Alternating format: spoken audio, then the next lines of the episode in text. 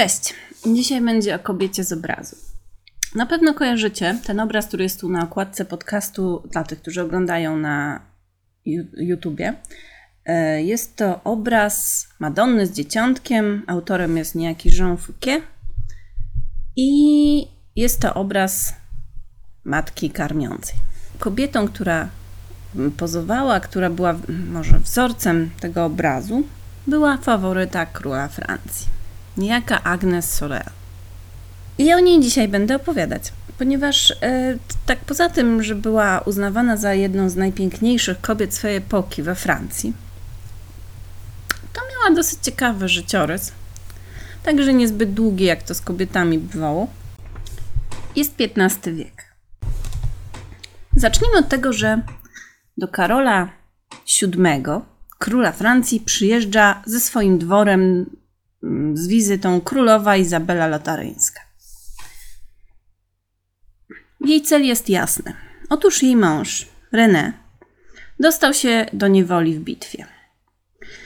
Księżna e, Izabela zdecyduje, decyduje się poprosić e, Karola VII o uwolnienie małżonka, e, raczej o wstawienie się za nim.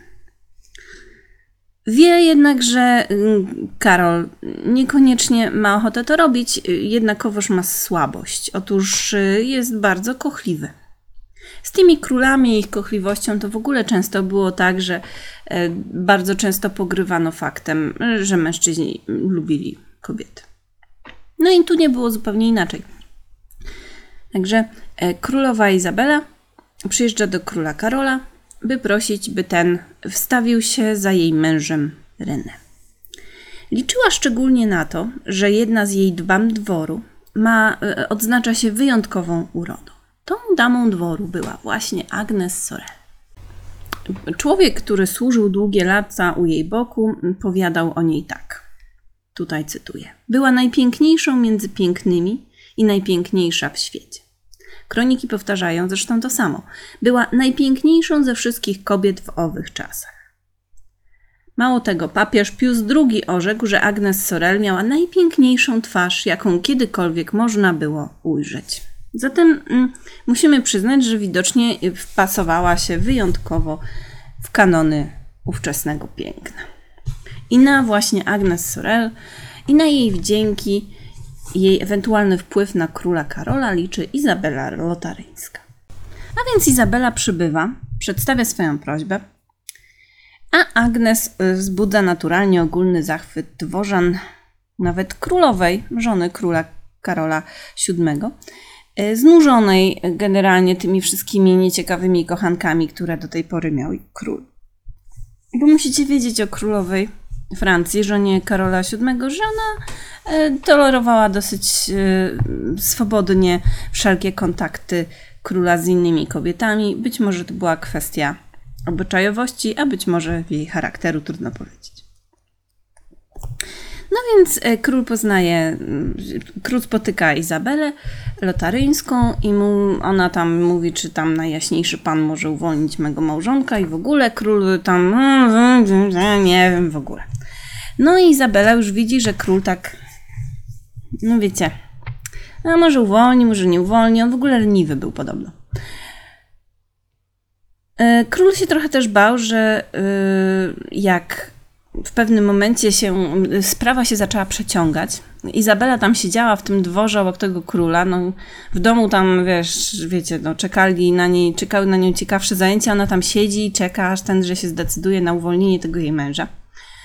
I w pewnym momencie zorientowała, że Karol trochę się boi, że jak już załatwi sprawę i tego uwięzionego męża Izabeli Lutaryńskiej, to ta z- zwróci z powrotem do siebie mm, i uwiezie ze sobą także pannę Agnes Sorel, w której zdążył się już zadłużyć, bo kochliwy był, tak? No więc, e, kiedy Izabela Lotaryńska się zorientowała, jak sprawy się mają, postanowiła e, zastosować taki dyplomatyczny wybieg. Oto Izabela opuści Chinon, w- bo on, oni siedzieli na zamku w Chinon, a Agnes e, zachoruje nagle przed tym wyjazdem i nie będzie mogła odjechać. No i dzięki temu król się przekona, że Agnes zostanie nawet jak Izabela wyjedzie. Wybieg się udał. Na szczęście dla René biednego, który siedzi cały czas w niewoli, kiedy król rozważa swoją chuć, tak? Karol postanawia, że tak, pomoże Izabeli. Agnes z dnia na dzień staje się rzecz jasna obłożnie chora. Pozory są uratowane. Monarchia postanawia uczynić z Agnes damę honorową królowej pani, żony Karola VII. I tak panna Sorel pozostaje na dworze króla. Musi opuścić e, wszystko, co znam, bo jednak dwór Izabeli Lotaryńskiej był jednak jej domem. No ale została e, walutą w tej rozgrywce o męża Izabeli. René został wymieniony niejako na pannę Sorel, która specjalnie wyboru nie ma. Ale zanim zaczniecie żałować, to powie, posłuchajcie, co było dalej. Ma wtedy Agnes około 22 lat. Oczywiście, jak tylko Izabela wyjechała, to Agnes e, bardzo szybko ozdrowiała z tej bardzo tajemniczej choroby i została kochanką króla. Co ciekawe, podobno szczerze się w nim zakochała. Pisano, że Agnes to był rzadki ewenement wśród królewskich faworyt, bo kochała Karola wyłącznie dla niego samego, pragnąc dlań tylko chwały dla potomnych. I to, co robiła później, wskazywało na to, że tak, że te przekazy są faktycznie prawdziwe. Otóż małżonka króla, jak wiemy, nie miała nic przeciwko, mało tego bardzo Agnes polubiła. Także zrobiło się z tego całkiem szczęśliwe stadło. Małżonka też wiedziała, że król mąż bez kochanki się obejść nie może. Agnes nie jest żadną zarozumiałą, tępą impertynentką jak jego poprzednie kochanki, nawet się z, nim, z nią polubiła. W związku z tym otoczyła e, pannę Sorel e, całkiem czułą troską i była dla Agnes chyba przyjaciółką. Oto dwie kobiety, jednego mężczyzny. No i mamy tutaj szczęśliwe stadło. Karol zaczyna y, obsypywać nową kochankę prezentami, apanarzami. Daje jej klejnoty, posiadłości, pałace nawet. Y, no, co nie umyka opinii publicznej. No ale kogo winią? No przecież nie króla, no bo dlaczego? W końcu jest mężczyzną oczywiście, więc oczywiście uważają, że to wina Agnes. No bo przecież kurwa nie wiem. No więc oskarżają Agnes o chciwość, różne plotki oni roz, yy, rozsiewają. Yy, no, to, co jakby no, niewiele zmienia, bo król jest królem i nie, nie widzi świata poza Agnes. U początku tego romansu nikt nie wiedział jeszcze, że Agnes zaczęła jakby czynić wysiłki, by obudzić we, w leniwym, jak mówiłam, władcy kraju E, pewien, powiedzmy, patriotyzm. A dlaczego? Otóż to były czasy, kiedy Francja była, e, no tak delikatnie rzecz mówiąc, e, mocno niweczona, plądrowana przez Anglików. Ale jak się okazuje, no, żadne sprawy poza miłością nie były w stanie poruszyć serca króla, który miał teraz wszystko. Miał zgodną żonę, która go też chyba nawet lubiła. On nie był jakimś demonem, ten król, żeby była jasność, tylko po prostu, no taka ciapaja trochę. E, miał e, kochankę, którą bardzo kochał. No, Anglicy tam zagarniali prowincje jedna za drugą, no ale jebać to ruchańsko jest. Burzyli miasta, wypasali konie zbożem, którego brak sprawiał, że ludzie, Francuzi marli z głodu. E, no, a ten siedział i patrzył w oczka Agnieszki. Na próżno Agnes błagała go, by stanął na czele wojsk francuskich, bo chyba miała w sobie więcej wojowniczości i troski o lud niż on. Y, czego rzecz jasna dworzanie nie widzieli, bo szemrano przeciwko niej. Uważano, że posuwano się nawet do stwierdzenia, że została przy, przysłana przez wrogów Francji, by króla uwieść, zauroczyć tak, żeby ten siedział na dupie i nic nie robił. On sam z siebie siedział na dupie i nic nie robił, więc no i to oczywiście dobiegło w pewnym momencie do uszu Agnes i ta postanowiła dopiąć swego za wszelką cenę, to znaczy zmusić króla, by jednak tę dupę ruszył. Pewnego dnia, podobno, po, biograf tak pisał, e, pojawiła się przed królem smutniejsza niż zwykle i powiedziała, że odejść od ciebie niedługo na zawsze być może będzie musiała. Otóż dlaczego moja duszko? Zapytał zapewne król. Znaczy, zmyślam, ale y, chcę oddać sens sytuacji. Chodziło o to. Otóż wczoraj wieczorem, y, mój drogi królu, kazałam sporządzić mój horoskop. Wywróżono mi, że będę kochana przez króla najpotężniejszego w świecie. No no tak, Karol VII oczywiście się uspokoił, uśmiechnął i w ogóle mu tam, wiecie, urosło wszystko. Zatem błagam cię, panie, pozwól mi udać się na dwór króla Anglii, by przeznaczenie moje mogło się dopełnić. No i tutaj e, Karolowi prawdopodobnie e, oczko pękło, bo e, myślał, że to ona o nim mówi, a on a czemuż to proszę cię na dwór króla Anglii właśnie? Bywaj go mać. E, Bo z pewnością o nim mówi ta wróżba. O królu Anglii? No wróżba na pewno mówi o nim, powtórzyła na pewno mu tam 10 razy, bo ty, panie mój, utracisz wkrótce cały swój kraj, gdy król Anglii dołączy do, owego, do swego królestwa. Jest więc z całą pewnością potężniejszym monarchą od ciebie. I oto ten sprytny wybieg sprawił, i, tę, ym, znaczy sens tej rozmowy przytaczają wszyscy kronikarze tamtych czasów. Nie wiem dlaczego i skąd to wiedzieli, ale najwyraźniej ten wybieg był powszechnie znany, więc to, to nie jest tak, że ten, ten. Na przykład taki jeden kronikarz mówi, że król poczuł się słowami kochanki tak ugodzony boleśnie, że zapłakał w wściekłości. No i król nazajutrz po tej rozmowie postanawia, no bo jak ma mu kochanka spróć, wyruszyć na wyprawę przeciw angielskiemu najeźdźcy. Nie wiem, może im herbatę chciał zabrać. W każdym razie. Wyjechał. Wojna porwała Karola na długie miesiące. Agnes siedziała w zamku, była mu wierna. E, I w tym czasie już zdążyła być już matką dwojga dzieci, e, które miała z królem, żeby była tu jasność, e, która to dzieci król miłował na równi ze swoim synem prawowitym, Ludwikiem, e, legalnym synem zrodzonym z jego ukochanej małżonki Marii, e, jak wiecie, tej dobrotliwej Marii, która mu tam na wszystko pozwalała. Ten Ludwik, ten prawowity syn jeszcze do, w tej historii do nas dołączy. W każdym razie król z całym dworem przenosi się do innego zamku, obok którego e, funduje uroczą rezydencję swojej Agnes. I tu e, zacytujmy.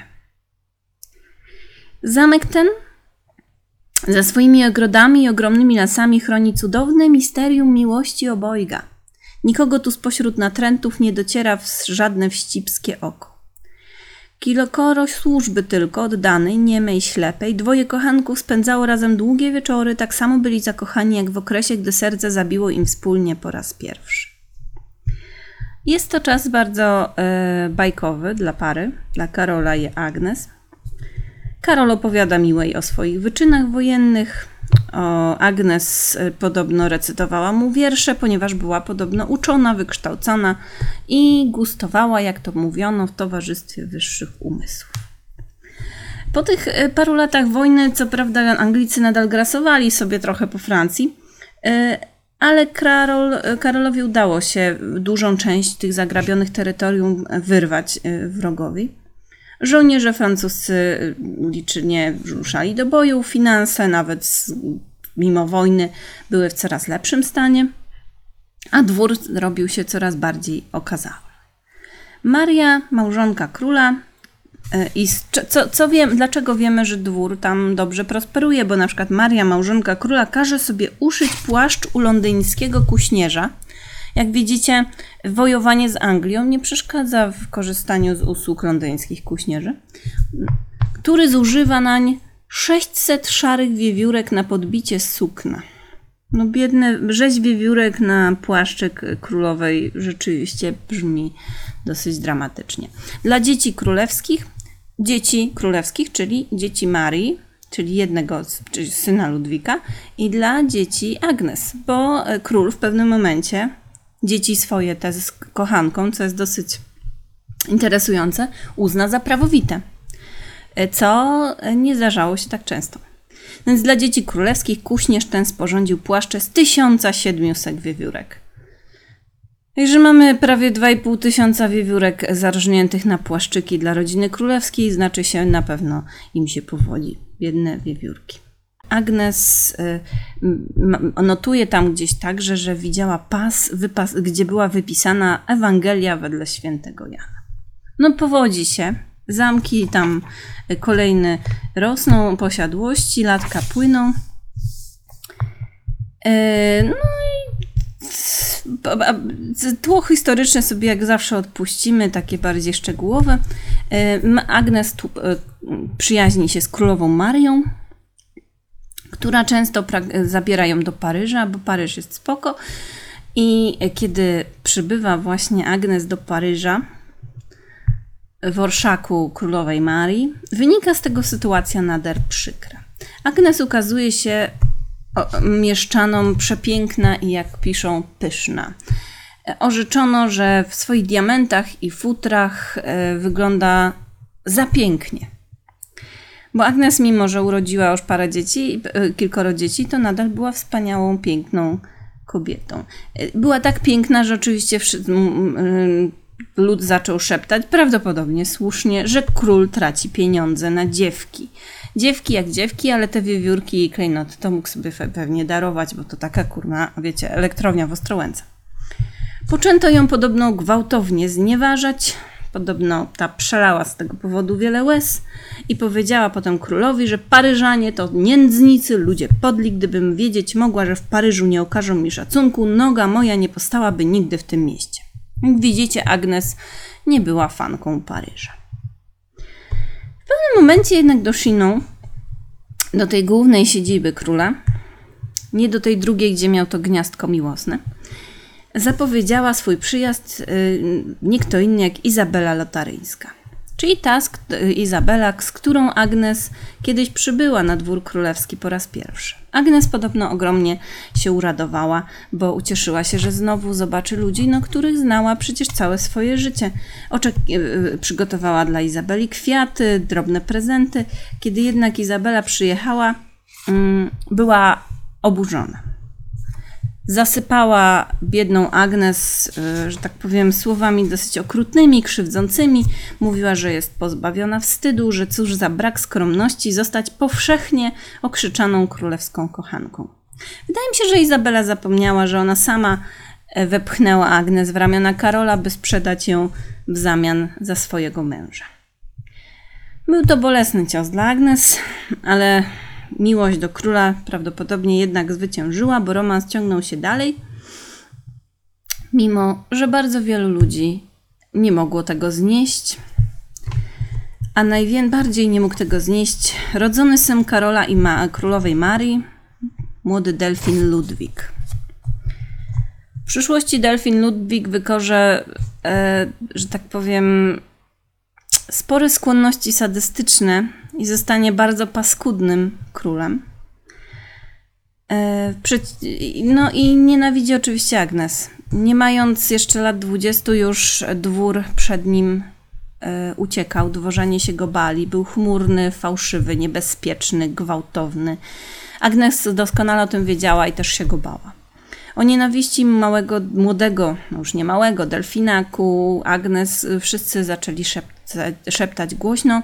Agnes w wieku no trochę starszym już rodzi trzecie dziecko.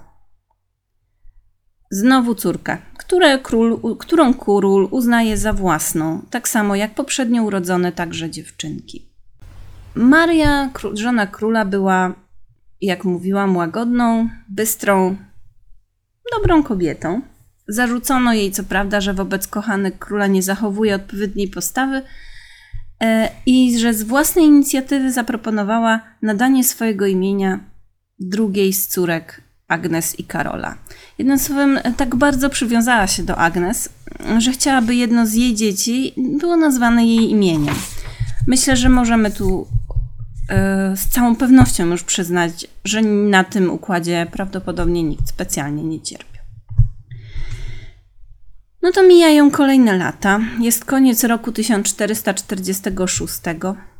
Młody delfin Ludwik i pewien jego przyjaciel, pan de Chabannes, dochodzą do pewnego porozumienia.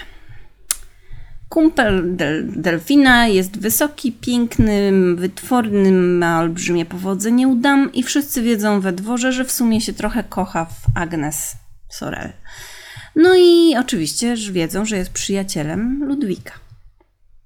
Młody Ludwik tak nienawidzi relacji króla z Agnes, prawdopodobnie był zazdrosny, ponieważ sam był no, strasznym kurwiem, ale to jest temat na osobny podcast.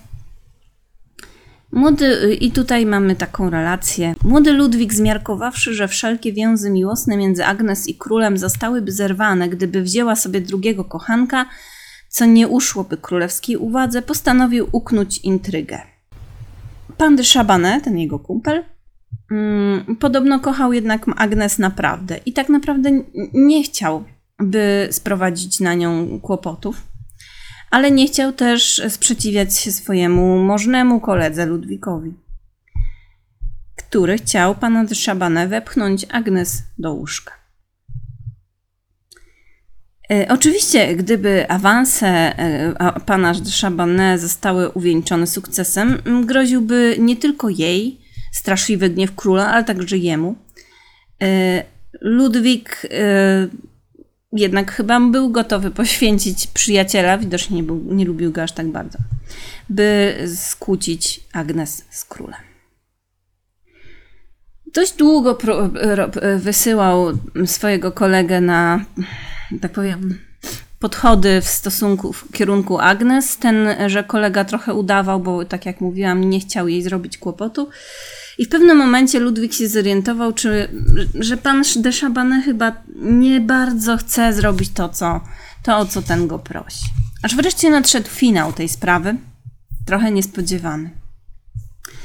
Król powrócił pewnego wieczora z łowów, szedł pośpiesznie w kierunku swoich apartamentów i tam spotkał się twarzą w twarz z Agnes. Dostrzegł, że za nią podąża ktoś jeszcze. Był to de Chabannes, a Agnes wydawała się bardzo e, poruszona. Spytał, co to znaczy, tak? No i Agnes powiedziała, że pan de Chabanne odwiedził jej apartamenty, rzucił jej się do nóg i począł, wy począł wyznawać jej swoją miłość. Ta go odepchnęła, ale on nastawał i wkrótce stał się tak natarczywy, że była zmuszona szukać schronienia w pokojach królewskich. E, pan de Chabanne wówczas począł za nią biec. No, e, zrobiło się nie, niewygodnie. Ten e, niefortunny biedak e, padł na kolana przed królem. Król się wkurwił zdrowo, e, zaczął kazać mu spierdalać, nie? E, ten e, w pewnym momencie wpadł w tę całą scenę Ludwik, który też padł do kolan, do, na kolana ojcu, żeby wybaczył panu de Chabanne, bo jest wiernym przyjacielem rodziny. No teraz się zorientował z sukinsyn jeden. E, król jednak był nieporuszony. W końcu ktoś znieważył jego ukochaną Agnes. No trochę miał racji, bo w sumie nie wiedział, co tam się w ogóle wydarzyło. E, I po prostu biedaka wygnał. Co Delfina Ludwika straszliwie zdenerwowało i powiedział parę słów za dużo. Powiedział, że to bezwstydna rozpustnica jest powodem wszelkich naszych waśni, zbliżył się do Agnes i prawdopodobnie wymierzył jej policzek. Tego było już za wiele. Kobiet się na dworze króla Karola VII nie biło. No to taki wyjątek wśród królów, ale tak. A zwłaszcza jego kobiety. No to jakby. No i król rzucił się z pięściami na własnego syna. Agnes go powstrzymała. No w ogóle zrobiła się straszliwa jadka. I po tej jadce ta Agnes trochę za nie mogła. E, co oczywiście odwróciło uwagę króla od afery, więc nie wiem, czy udawała, czy nie. A kiedy wyzdrowiała, by uczcić dzień, którym stała złoże, po raz pierwszy król kazał urządzić bal. Agnes jednak y, wiedziała, że jej obecność zaognia sytuację między królem a synem, jego synem Ludwikiem i postanowiła opuścić Shiną, e, by nie zaostrzać stosunków. Powie, powiedziała królowi, że e, żadne prośby ani jej, ani królowej Marii nic nie zdziałają i że przeniesie się do innej posiadłości, by e, po prostu nie rzucać się w oczy. To nie znaczy, że rzecz jasna zerwała z królem. Postanowiła tylko nie mieszkać pod jednym dachem z królem i Ludwikiem. w głównej posiadłości królewskiej Shimon. Odjechała do, do innej posiadłości e, i tam oddała się aktom miłosierdzia. Olbrzymią część dochodów ze swoich włości rozdawała między potrzebujących, e, uczyła podobno dzieci czytać e, z ludu. No, dobre serduszko miała w sumie. Podczas gdy król wtedy musiał wyruszyć do Normandii. I Agnes przebywała w tej posiadłości z dala od głównego zamku w Chinon, a z kolei e, przyjaciel króla, e, Chevalier, e, przybywał często do tejże do tego domu Agnes, by spytać w imieniu króla, czy czegoś nie potrzebuje, no bo król nie mógł za często jej odwiedzać, ponieważ był zwyczajnie na wojnie. Pewnego razu jednak Chevalier zjawił się u Agnes poruszony. Powiedział jej, że Ludwik szykuje zdradę. Chce zdradzić swego ojca. I że Chevalier był przekonany, że kiedy, ten, że kiedy on powie to królowi, to on mu nie uwierzy i że dopiero Agnes musi mu o tym opowiedzieć, ponieważ nikomu nie wierzył i nie ufał bardziej niż jej. Agnes się z nim zgodziła i 1 stycznia 1449 roku wyjechała w kierunku Normandii, gdzie przebywał król yy, i przybyła tam po tygodniu. E, to była smutna podróż, bo w kronikach owych czasów notowano, że no, wojna wtedy w tamtych rejonach bardzo źle odcisnęła się na kraju.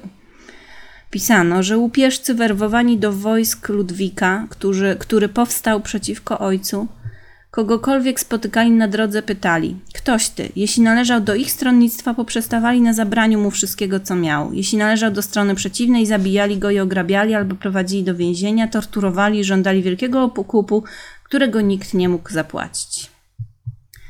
To też umierał w lochu. Podrzynali gardła jedni drugim bez różnicy, czy to ksiądz, zakonnik, mnich, mniszka, minstrel, herold, kobieta czy dziecko. Jednym słowem, yy, po Francji panoszą się wojska syna króla, który chce wzburzyć lud przeciwko królowi. Agnes w drodze do mm, Normandii e, rozchorowała się ciężko. Musiano przerwać podróż. Zatrzymano się w zamku położonym o kilka mil od opactwa, w którym znajdował się Karol VII. Posłano po króla, przybył natychmiast. Agnes była już ledwo przytomna. I on tak patrzył na kobietę, która gasła przez 20, tą kobietę, która przez 20 lat była mu wierna i kochająca. I szlochał głośno. Bóle się wzmagały i teraz bóle się wzmagały, bo, bo był to prawdopodobnie przedwczesny, późny w jej życiu poród. Wiemy o tym, bo w jej grobie spoczął, spoczął niedonoszony płód. O tym za chwilę jeszcze opowiem. W każdym razie przy tym przedwczesnym porodzie Agnes umiera w obecności swego ukochanego e, Karola VII. Upomniała się jeszcze o sakramenty. Podobno w chwili śmierci krzyknęła Jezus. I zwyczajem ówczesnym po jej śmierci serce i wnętrzności pochowano w opactwie, a ciało jej przeniesiono do kaplicy w Loż. Mauzoleum Agnes, ustawione pośrodku kaplicy, sporządzone z czarnego marmuru, a na nim położono jej postać rzeźbioną w białym marmurze, dość wiernie oddaną, i tutaj będzie zdjęcie tego grobowca. A dlaczego dość wiernie oddaną, to też Wam zaraz powiem. Na tym grobowcu, dla tych, którzy mm, słuchają tego na Spotify są dwa anioły, które podtrzymują poduszkę, na której spoczywa głowa, dwie owieczki, symbol słodyczy jej charakteru, ustawiono w nogach, a wokół grobowca biegnie gotyckimi literami wyryty napis Tu leży szlachetna panna Agnes de Sorel, za życia dama de Bute. Chodziło o zamek Bute, nie chodziło o piękno. Litościwa dla wszystkich ludzi, hojna dla biedaków i kościoła, zmarła w drugim dniu lutego 1449 roku. Prośba o modlitwę za spokój jej duszy. Król miał przed sobą teraz ciężkie lata. Karol VII zapadł się w sobie po śmierci Agnes. I jak bardzo wielu królów w, w jego sytuacji, widzieliśmy to też na przykładach polskich królów, którzy, mieli jaką, którzy stracili jakąś prawdziwą miłość. Otóż po jakimś czasie wpada w, w wir rozpusty, jak to się mówiło. Jak wzdychali także kronikarze, król stał się dziwaczny, zaczął lubić bardziej samotność, e, zaczęło go w końcu męczyć życie w ramionach tych wszystkich metres. Poza tym bał się własnego syna, bo ten nienawidził ojca i organizował przeciwko niemu spiski był bardzo groźny. Karol twierdził, że, miał, że ma przeczucie, że zostanie ze sprawą syna otruty. Odmówił, odmawiał spożywania potraw, gwałtownie schudł i umarł, zagłodziwszy się w 1461 roku. Po śmierci Agnes król często powtarzał, że stracił najlepszą przyjaciółkę, którą i kochał ogromnie, jak wieść niesie, wszystkie trzy córki, których była matką, które zostały wydane bardzo dobrze za mąż, za bardzo możnych tego świata. Agnes żyła niecałe 30 lat. E, wraz z nią w grobie znaleziono kości około 6-miesięcznego płodu, właśnie tej ostatniej martwej córki, przy której porodzie umarła. I to, co, co najważniejsze, zmarła w wyniku zatrucia rtęcią. To znaczy, umarła przy porodzie, to prawda, ale rtęć traktowano wówczas jako lekarstwo i podawano ją tak, żeby ułatwić trudny poród albo właściwie cokolwiek. Więc jakby te dwie rzeczy, to znaczy zatrucie rtęcią i ciężki poród, się zwyczajnie e, połączyły. Przydawkowanie rtęci mogło być zwyczajnie nieszczęśliwym wypadkiem, bo nic na ten temat wtedy nie wiedziano. No i właśnie, król Karol VII uznał córki zrodzone z Agnes Sorel, przez co właśnie, tak jak mówiłam, bardzo dobrze wyszły one za mąż. Na przykład, e, tylko że no dobrze. Dobrze to znaczy możnie, ponieważ córka imieniem Charlotte wyszła za hrabiego, który zabił ją później, nakrywszy w łóżku ze swoim przyjacielem. Jego też zresztą zabił za jednym zamachem. Mieli jednak wcześniej dzieci, a prześledzenie dalszych potomków prowadzi do zaskakujących konkluzji, że wszystkie w zasadzie europejskie domy panujące mają w swym drzewie genealogicznym piękną Agnes Sorel. Dlatego jest ona zwana babką Europy. Wykarmiła przodków europejskich władców swoją piękną, krągłą piersią, którą widzimy na obrazie. Na podstawie znalezionej w grobie czaszki w 2005 roku zrekonstruowano wygląd Agnes, tutaj pokazuję na YouTubie, i wtedy zresztą w obecności francuskiej arystokracji odbył się jej ponowny pogrzeb. I ten e, jej, ta rekonstrukcja jest bardzo, bardzo jest wierna temu, tak naprawdę temu, jak została oddana na swoim grobowcu. To by było na tyle na dzisiaj. Mam nadzieję, że ta francuska baśń o miłości trochę Wam się podobała. Do usłyszenia.